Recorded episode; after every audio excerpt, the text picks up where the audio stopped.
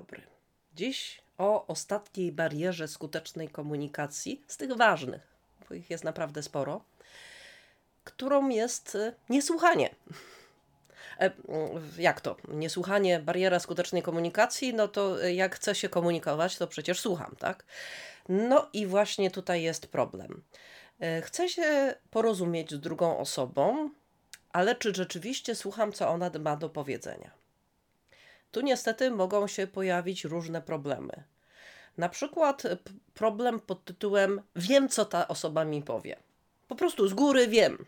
Jestem przekonana, że wiem, co ta osoba mi powie. Być może to wynika z doświadczenia, to znaczy z tego, że rzeczywiście za każdym razem, kiedy o tym rozmawialiśmy, to ta osoba mówiła to i to. A być może po prostu z jakichś moich uprzedzeń, przekonań, że cokolwiek bym zrobiła, to i tak nic nie zmieni, bo ten człowiek zawsze w ten sposób się zachowuje. Nie? Y, więc y, pierwsza sprawa jest taka, że być może wcale nie słuchamy, tylko czekamy, aż y, druga osoba przestanie kłapać tym dziobem, bo i tak wiemy, co powie. Albo przerywamy jej w pierwszym możliwym miejscu, bo wiemy, co powie.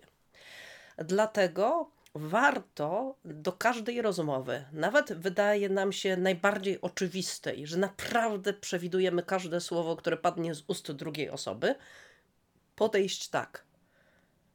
Słucham tak, jakbym słuchała tego po raz pierwszy, jakbym nie wiedziała nic na temat drugiej osoby, jej reakcji na to. Słucham po to, żeby sprawdzić, po to, żeby wysłuchać, żeby zobaczyć, jak naprawdę na to reaguje, co ma do powiedzenia. Drugi y, powód, dla którego możemy nie słuchać, to jest taki, że jesteśmy sami bardzo zestresowani i że nie tyle chcemy mm, wysłuchać naprawdę drugiej osoby, co chcemy powiedzieć wszystko, y, co nam leży na sercu i zdajemy sobie sprawę, że jak wylejemy wszystko na raz, to, y, to się człowiek przestanie słuchać po minucie czy nawet 30 sekundach. Więc robimy przerwy E, żeby ta druga osoba e, mogła zająć e, głos, tak? Ale tak naprawdę to są przerwy w moim monologu. Ja nie słucham tego, co mówi dru druga osoba, tylko czekam, aż zrobi pauzę, żeby kontynuować swój wątek. I w rezultacie mamy rozmowę, którą gdyby nagrać, to jest tak, jakby były dwa równoległe monologi, które się odbywają w przerwach na zmianę. I dlatego warto w sobie wyrobić taki nawyk autentycznego słuchania drugiej osoby w skupieniu. Przestać też się bać ciszy. W tym sensie, że wysłuchałam drugiej osoby i zapadł moment ciszy, w którym ja jeszcze myślę o tym, co usłyszałam, to jest ok. Nie trzeba zagadywać każdej sekundy ciszy. Jeżeli zrobię pauzę i powiem na przykład mhm, i potem spróbuję na przykład własnymi słowami powtórzyć to, co było najważniejsze w tym, co usłyszałam. Mhm. Czyli tak naprawdę ważne jest dla ciebie, żeby zostać naprawdę wysłuchanym i nie zakładać z góry, co powiesz, tak? I druga osoba myśli o tym, znowu jest chwila przerwy, pauza i mówi: Tak, dobrze to ujęłaś. Rzeczywiście na tym mi zależy. Hmm? To była taka mała ilustracja.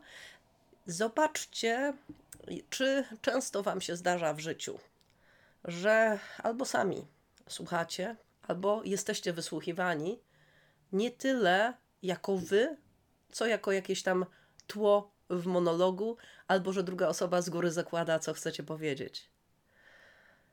I czy nie robicie tego innym? ćwiczenie takie, że tak powiem, na najbliższe dni, które chciałabym Wam zadać. Posłuchać y, co najmniej trzech osób z uwagą, z autentycznym zainteresowaniem, tak jakbyście słuchali ich po raz pierwszy w życiu i wyciągnąć z tego wnioski. Czy może kontakt tym razem był zdecydowanie lepszy?